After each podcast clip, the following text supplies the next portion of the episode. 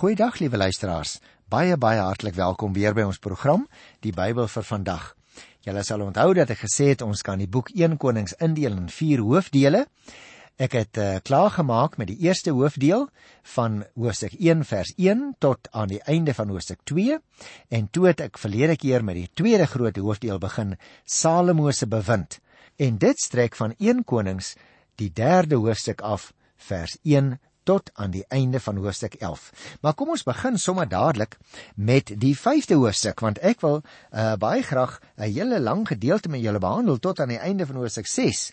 Maar uh, hier is wonderlike interessante goed. Die 6de hoofstuk het omtrent net name en daarom gaan ek vinniger daaroor. Maar ons kry hier in die 5de hoofstuk die reëlings vir die bou van die tempel en hoe dat Salomo en Hiram 'n verdrag gesluit het. Nou laat ek oor hoofs miskien net eers sê, uh, liewe luisteraar, Salomo se wysheid blyk juis uit die ooreenkomste met Hiram met die oog op sy tempelbouprogram. Hiram moet ons onthou was die uh, koning van die handelsstad Tyrus en hy moes dan die seedrout en die ambagslui verskaf in ruil vir landbouprodukte. Die opmerking dat daar geen teenstanders was nie, wat 'n mens kry uh in Hoofstuk 2 ook van die 13de vers af is eintlik 'n bedekte sinspeling op die teenstand wat ons nou in hierdie hoofstuk gaan begin kry. Want jy moet nou baie goed verstaan as mense dit nou hier lees dat die mense nou swaarder belas is in Israel. Sommige van hulle was ook daar na Hiram, die koning van Tyrus, wat beteken dit die gesinne is bietjie uitmekaar geskeur. En nou ja, in ons land weet ons wat dit kan inhou as as 'n bepaalde beleid van die owerheid daartoe lei dat gesinne uitmekaar geskeur word, né? So 'n mens kan baie goed verstaan dat die mense ontevrede geraak het. Luister na die eerste vers. Koning Hiram van Tyrus het ook gesande na Salomo toe gestuur toe hy hoor dat hulle hom tot koning gesalf en in die plek van sy pa aangestel het, want Hiram was altyd baie geheg aan Dawid. Jy sien die koms van die gesande sluit aan by die tweede hoofstuk wat ons nou al lank gelede gedoen het daarby vers 12. Dit het nou dus 'n rukkie geduur voordat die nuus Hiram bereik het, maar toe stuur hy dadelik sy gesande na Salomo om hom geluk te wens. Dis nakies luisteraars Hiram het van 980 voor Christus tot 946 voor Christus in die ryk handelsstad Tyrus geregeer. En vanweë sy ligging daar aan die kus was dit 'n baie bekende hawe stad. Hierom lees ons hier, het seker Dawid se dae goeie betrekkinge met Israel gehad en dit wou hy nou voortsit. Daarom die tweede vers. Toe rig Salomo die volgende versoek aan Hiram. Dit is aan u bekend dat Dawid my pa nie 'n tempel vir die naam van die Here sy God kon bou nie, omdat hy so dikwels in oorlog betrokke was. Die Here het hom die oorwinning oor al sy vyande gegee. Jy sien liewe luisteraar, saam met die gesande uit Tyrus stuur Salomo nou 'n brief terug waarin hy Hiram se hulp versoek met die verskaffing van die boumateriaal. Nou heel waarskynlik was Hiram baie bewus van Dawid se voorneme om 'n tempel te bou. Want ons kry ook 'n verwysing daarna wat ons nog in die toekoms behandel by 1 Kronieke 22. Die bou van die tempel dui op die toenemende belangrikheid van Jerusalem as hoofstad. Behalwe sy politieke belangrikheid, het Jerusalem nou ook gaandeweg tot 'n godsdienstige sentrum van Israel ontwikkel. Dit beteken, luisteraars, egter nie dat die ander heiligdomme na die voltooiing van die tempel opgehou het om te bestaan nie. Alhoewel die tempel aanvanklik slegs bedoel was as 'n plaaslike heiligdom, het dit mettertyd die ander heeltemal oorskadu. 'n Tempel word vir die naam van die Here, sê die 3de vers, opgerig. Die Here woon natuurlik nie fisies in die tempel nie, maar word deur sy naam op die aarde verteenwoordig deur die tempel. Dawid kon ook nie die tempel bou nie, lees ons hier. Daar word gesê omdat hy so dikwels in oorlog betrokke was. Dawid moes sy aandag by die landsverdediging bepaal en sy vyande oorwin, want hy was besig om die landsgrense uit te brei.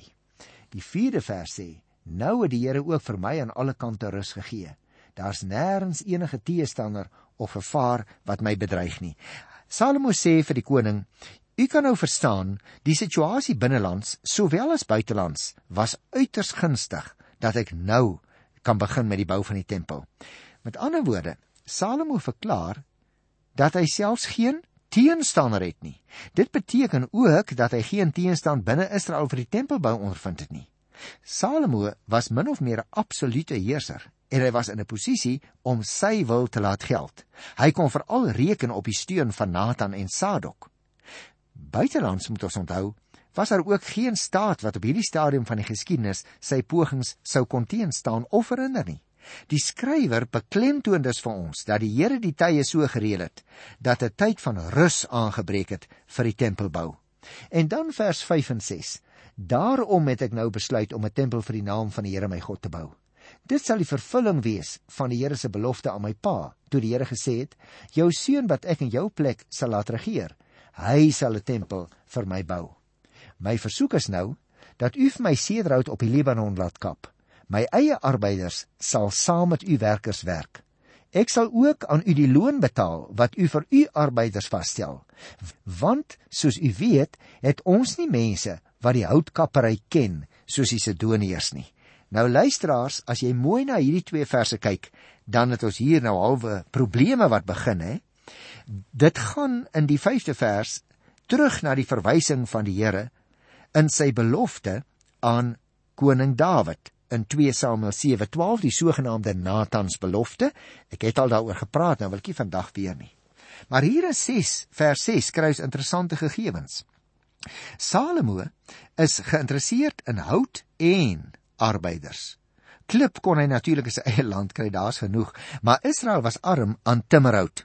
Die uitstekende kwaliteit van die sederhout op die Libanon het eintlik al spreekwoordelik geword deur die eeue, né? En hierdie hout was hard, dit was bestand teen verrotting en insekte en sederhout het ook 'n aangename reuk. Daar's ook sprake van sipreshout in die 8ste vers wat waarskynlik vir die vloere en die deure gebruik is. Salomo wou ook die Sidoniërs wat op die inwoners van die suidelike gedeelte van die Fenisiese kus gewoon het, hy wil ook van hulle as houtkappers verkry. Hulle was bekend as ambagsmande. Salomo se algehele mag oor Israel blyk baie duidelik. Hy bepaal wie waar gaan werk en wat die loon sal wees. Sy onderdane was ook sy slawe en daar is nog een van die krake.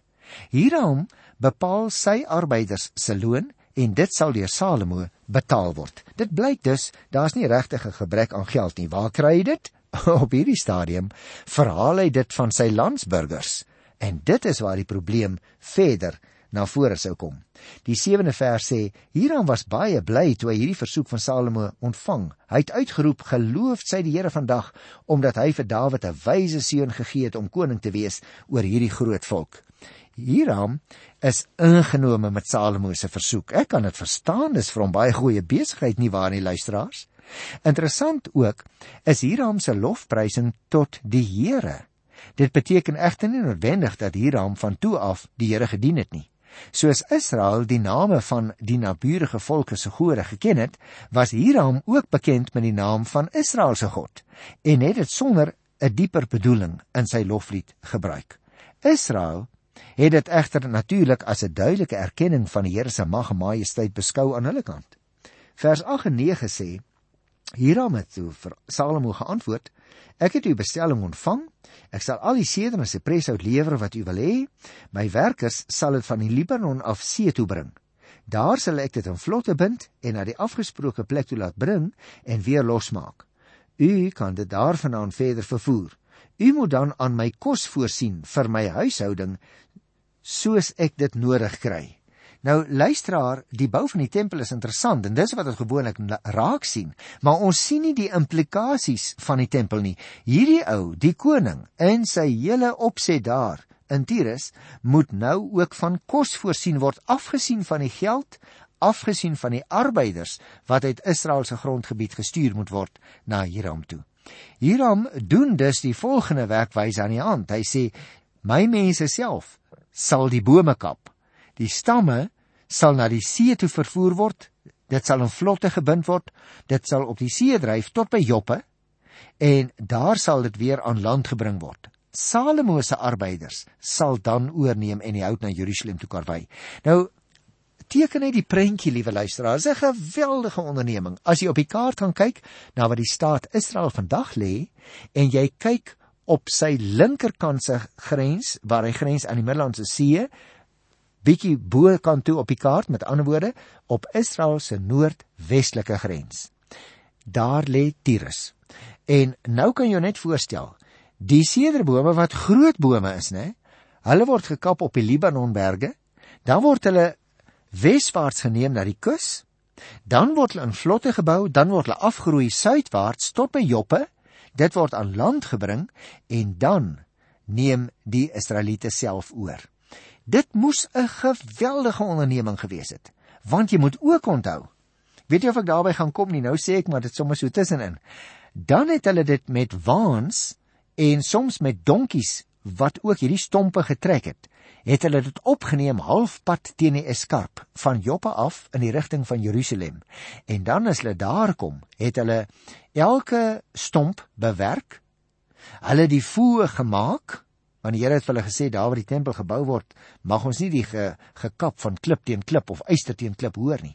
So hulle moes die stompe saag dan daar halfpad na Jerusalem toe. Hulle moes die voë maak. Hulle moes dit presies pas in mekaar. Hulle moes in 'n sekere sin die tempel konstrueer. Dan moes hulle dit weer uitmekaar haal en verder neem tot by Jerusalem. Luister na vers 10 en vers 11. So het Hiram aan Salomo seder en sipreshout gelewer, soveel as wat hy nodig gehad het. En Salomo het jaar vir jaar aan Hiram 3300 ton koring gelewer vir die onderhoud van sy huishouding. En ook 4400 liter van sy suiwerste olyfolie. Nou dis 'n geweldige hoeveelheid luisteraars. Daarom wys ek jou daarop om te sê dis baie romanties om te dink aan die bou van die tempel, maar dit het 'n geweldige finansiële las geplaas op die Israeliete. As beloning moes Salomo jaar vir jaar, het jy opgelet, olyfolie lewer en hy moes aan hom koring lewer. Die Fenisiese kus was arm aan landbouprodukte. Dit wil voorkom of Hiram meer vra as wat Salomo aanvanklik voorsien het. Jy kan miskien net gaan kyk in die 6ste vers. Ek wil nie daarby te lank stil staan nie. Luister na vers 12. Die Here het aan Salomo wysheid gegee soos hy beloof het. Daar was 'n goeie verhouding tussen Hiram en Salomo en hulle het 'n verdrag gesluit. Met ander woorde, die lewering van die produkte het die hele boutyd voortgeduur. Die sluiting van die verdrag het die goeie verhouding tussen Hiram en Salomo bestendig en dit is as 'n teken van Salomo se wysheid beskou in daardie tyd. En nou kom ons by die voorbereiding. En nou gaan jy sien liewe luisteraar, nou kom ons by dwangarbeid en hier is nou baie probleme. Oorsigtelik wil ek miskien net dit sê, Salomo maak noodgedwonge gebruik van dwangarbeid. Later blyk dit juis een van die aanleidings te wees vir die skeuring van die ryk. Ons gaan eers by Hoofstuk 12 van vers 4 af daarop mekaar kan wys. Die groot getal beklemtoon natuurlik die grootsheid van die tempelbouwerk. Kom ek lees by vers 13. Koning Salomo het vir die hele Israel dwangarbeid ingestel en so 'n arbeidsmag van 30000 man bymekaar gebring. Nou moet ons onthou reeds in Hoofstuk 4 by die 6ste vers het ek daarop gewys dat dit 'n uiters ongewilde maatreël was en dat dit opstand teen Salomo aangevuur het. Die opstandige element het sy toppunt bereik na die dood van Salomo toe dit as een van die hoofredes vir die skeuring van die ryk aangevoer sou word. Die Israeliete het dit natuurlik as pynlik beskou. 30000 man onder hulle moes help met hierdie werk. Luister na vers 14. Hy het om die beurt elke maand 10000 na die Libanon toe gestuur sodat hulle elkeen 1 maand op die Libanon was en 2 maande tuis. Adoniram is in beheer geplaas van die dwangarbeid. Nou luisteraars, ons weet nie hoeveel maande per jaar daar gewerk is nie. Sommige meen dat vanweë die klimaatsomstandighede daar dit is Middellandse See klimaat, dat daar slegs 3 maande per jaar aan die bouwerk self gewy is. 1 maand sou dwangarbeiders op die Libanon self gaan werk en 2 maande sou hulle tuis bly. Nou, hoe Adoniram dit alles gereël het, daarvan is ons nie seker nie, maar hy moes duidelik iemand gewees het wat baie goed kon organiseer. Luister na vers 15. Salomo het 70000 draers en 80000 klipkappers in die berge aan die werk gehad. Nou die steengroewe in Israel is natuurlik nou beman deur hierdie 70000 draers en 80000 klipkappers. As 'n mens kyk in 2 Kronieke 2 by vers 17, is die groep nie uit die Israeliete nie, maar hoofsaaklik uit vreemdelinge saamgestel. Dan kom ek by die 16de vers. Behalwe nog die 3300 opsigters oor die werk wat moes toesien dat die arbeiders die werk doen. Nou liewe luisteraar, as mense dit lees, wil jy net jou hande saamslaan en daar is geen rede hoekom ons dit hoef te betwyfel nie. 3300 opsigters wat moes toesien dat die draers en die klipkappers hulle werk doen. Hierdie hoë getalle beklem dat Salomo baie mense vir die tempelbou gebruik het. Jy sien as dit nou hierdie kant of daai kant toe 'n bietjie uit is, maak dit nou nie saak nie. Die punt is geweldig baie mense is in die land en buite die land gestuur om hierdie werk te doen. Vers 17 sê die koning het beveel dat hulle groot klip van goeie gehalte moes uitkap sodat die fondamente van die tempel met gekapte klip gelê kon word. Die fondamente van gewone geboue is in daardie tyd gelê met ongekapte klip. Maar Salomo gee nou opdrag dat gekapte klip, nê, nee, al die allerbeste wat die land en die buiteland kan oplewer, word gebruik vir die gebou en in hierdie geval dan as tempelfondament. Die 18de vers van 1 Konings 5 sê: Die bouers van Salomo en van Hiram en die mense van Gebal het dit verder reggekap en dan die hout en die klippe reggesit vir die bou van die tempel.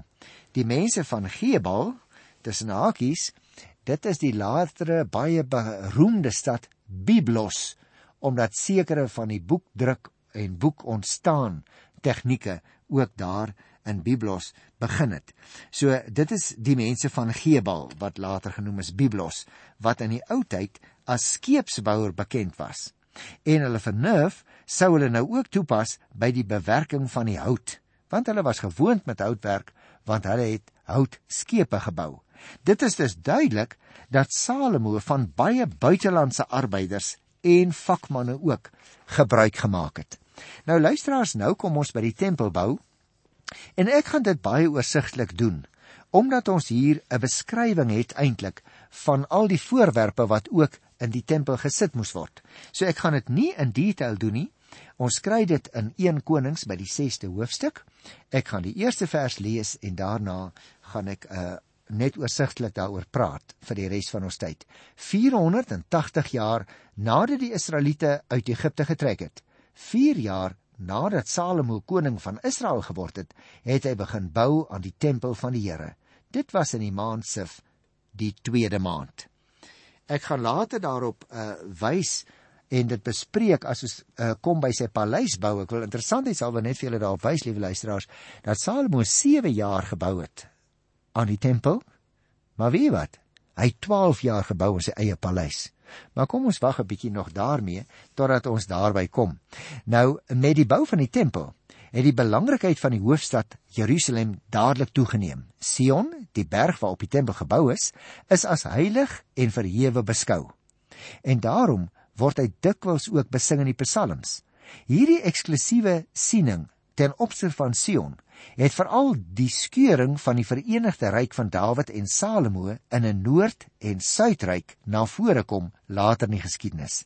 Want jy sien, strawwe mededinging tussen die tempel in Jerusalem en die heiligdom in die Noordryk het ontstaan so met loop van tyd en elkeen moes sy eie bestaansreg verdedig. Nou natuurlik, in die guns van die Jerusalemse tempel het die teenwoordigheid van die ark baie swaar getel. Die tempelbou het 480 jaar lees ons in die eerste vers na die uittog begin. Nou weet ons nie uh op hierdie stadium presies wanneer Salomo bewind aanvaar het nie. Daarom is die interessante verwysing in vers 4 dat dit in die 4de jaar van sy regering was, nie vir ons van veel hulp nie. Oor die algemeen word aanvaar dat Salomo op die troon gekom het min of meer in die jaar 960 voor Christus. Kom ons kyk nou weer verder na hierdie prentjie van die tempelbou. Op die heuwel noord van die ou Dawidstad het nie net die paleis nie, maar ook 'n baie indrukwekkende heiligdom van 30 meter lank, 10 meter breed, 15 meter hoog verrys. Ons lees daarvan in die tweede vers. In die groewe waarvan ons lees in vers 7, is die klip natuurlik gekap en kant en klaar bewerk. Op die bouterrein is dus niks van die geraas van hamers en bytels en ander instrumente waarmee klip en hout bewerk is gehoor nie. Ek het dit net nou vir jou vertel. Miskien wou hulle die heiligheid van die plek nie deur die oorverdowende geraas ontwy nie. Vir die bronswerk is daar iemand ingevoer. Hiram van Tyrus se dienste is weer eens verkry. Hy moet nou natuurlik onderskei word van die koning met dieselfde naam met wie Salomo 'n verdrag gesluit het. Interessant ook volgens Hosea 7 vers 14 is die vakman die seun van 'n weduwee uit die Naftali stam. Na die dood van haar man het die weduwee uit Naftali met 'n man van Tyrus getrou en uit hierdie verbintenis is Hiram toegebore. Dalk was hy ook 'n ambagsman en het Hiram die kuns by hom geleer. Nietemin, van Hiram word gesê dat hy 'n meester ambagsman was en koning Hiram het hom onmiddellik aanbeveel. Gaan kyk kyk gerus ook in 2 Kronieke 2 daarvan die 11de vers af. Hiram het al die bronswerk van die tempel gemaak. Wat Besaliel vir die tabernakel destyds gedoen het in Eksodus 31 vers 2, het Hiram vir die tempel gedoen. Die gietwerk is gedoen, so lees ons in Hosea 7 by vers 46, in die omgewing van die Jordaan tussen Sukkot en Saratan, waar die inwoners bedrewe vakmanne in gietwerk was. En tussen hakies luisteraars, dit blyk ook vir ons uit die opgrawings daar in die omgewing van die Jordaanrivier. Daar's verskillende sulke plekke gevind waar 'n mens kan sien metaal gesmeld en bewerk is. Nou dit kom nie noodwendig uit die tyd van koning Salomo nie, maar dit blyk dat daar mense in daardie omgewing was wat hulle vir baie jare besig gehou het met die kuns om metaal te kon bewerk en hulle het om een of ander rede daar in die omgewing van die Jordaan gewoon. Dis my interessant, veral drie faktore het van hierdie gebied 'n metallurgiese sentrum gemaak. Nommer 1, voldoende brandhout vir die smeltoonde, né, want daar loop 'n rivier, daar groei baie bome, so daar was voldoende brandhout. Tweedens, goeie klei vir die gietvorms. En natuurlik, die noordewind wat vir die smeltproses baie belangrik was.